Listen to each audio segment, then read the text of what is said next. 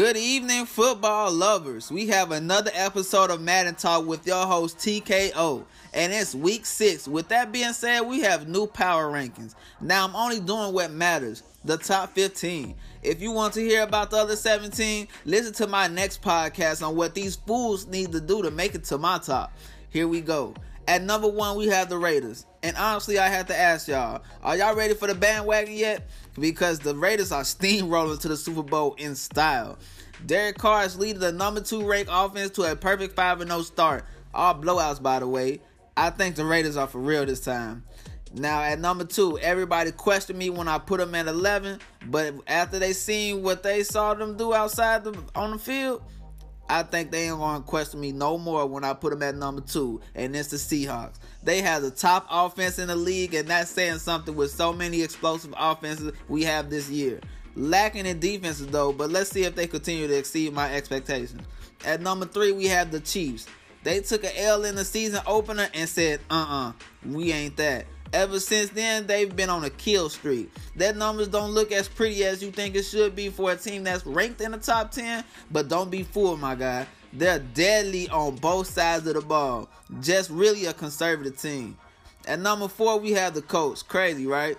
But they had a number two defense in the league right now, which is apparently carrying them to a 4 and 1 record without the help of their offense, who ranks the 30th. Their last game against the Patriots proved it can't score for nothing, but the defense makes sure the opposition can't score either. Colts have to do something with that poor offense before they end up out of my top 10. At number five, we have the Texans. And they clearly proved proven that they are forced to be reckoned with. A dynamic this year, but it's just something I can't place my finger on. They are missing something. They are three one and one right now, and that tie might come back to haunt them. Oh, I found out what's missing. They need some ball hogging defensive backs, and it was made transparent in a loss to the Cowboys. No turnovers at all. Maybe they can get some trades going to get those type of players. I don't know. And speaking on the Cowboys, they come in at number six.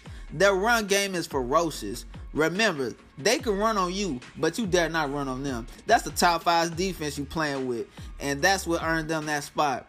At number seven is the Vikings, but they still are forced to be reckoned with defensive wise. The last game against the Eagles proved they trying to make a turnaround, but it starts with the run game. Am I right? Chargers are bolting up to the number eight spot, and I have no regrets putting them there. And all these top defenses have the same thing in common. Either they have a conservative offense or extremely weak offense. Chargers are a little in between. They show flashes of having a top tier offense, but they lack weapons on the offensive side of things. For instance, the struggle was real against the Raiders last week. The Chargers slowed down the Raiders as much as they could, but the offense was a no show, which caused them a much needed win against the rivals. Can they stay afloat like this?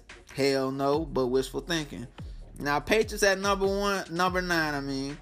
They're three one and one, and I'm comfortable having them at nine. They struggle against premier defenses, which is rare to see with Tom Brady at the helm. Defense might be ranked might be ranked at number three, but that might not be enough to make it to a Super Bowl. A little hint though, you can't field goal your way there. At number 10, no surprise that the Steelers got the 10th spot. In my opinion, they are kind of slipping under the radar. A straight pass heavy team with the underrated defense. Their blowout win against the Falcons proved my point. Enough said. At 11, and uh, apparently 11 through 15 is a little tricky. But the Bears looking in front of locking looking in from the front 11 spot. Before they had their bye week, they recently dismantled the Bucs. They're up and down team at this point. One week they're on point on both sides of the ball, but the next week it's a whole nother story. If you ask me, they need a new coach to bring out the talent that team possesses because they have talent. At number 12, and speaking of the Bucs, here they go. Number 12. And they are making use of what they have so far. They follow the trend with having a top 10 defense while keeping a lifeless offense afloat. What can they do to make them a force to be reckoned with in the South? Because I guarantee they is not going anywhere in the current state they're in. And at 13, the Titans really disappointed me because I thought they would have been a number one. I thought they would be a top tier. I might be exaggerating, but I thought the Titans would be a stat stuffers. Titans can barely produce on offense, but do just enough for the defense to pick up the pace the rest of the way. But they really got to do better. Make use of them offensive weapons you have. At number 14, Bills are at the 14 spot, but mark my words, and I regret what I said about the last time, but they're on to something. Super conservative on both sides of the ball, but they're getting it done with hardly any playmakers to speak of, and that speaks volumes. And at 15, we got the Giants. They don't look like to be taken seriously, but their record says otherwise. Trust me, they're only here at this spot because of their record, but they're not going anywhere with this remedial offense and defense. They need to put on some more work for the offseason because they ain't here for this season. Thank you guys for showing love to this show. Catch you next week. TKO signing out.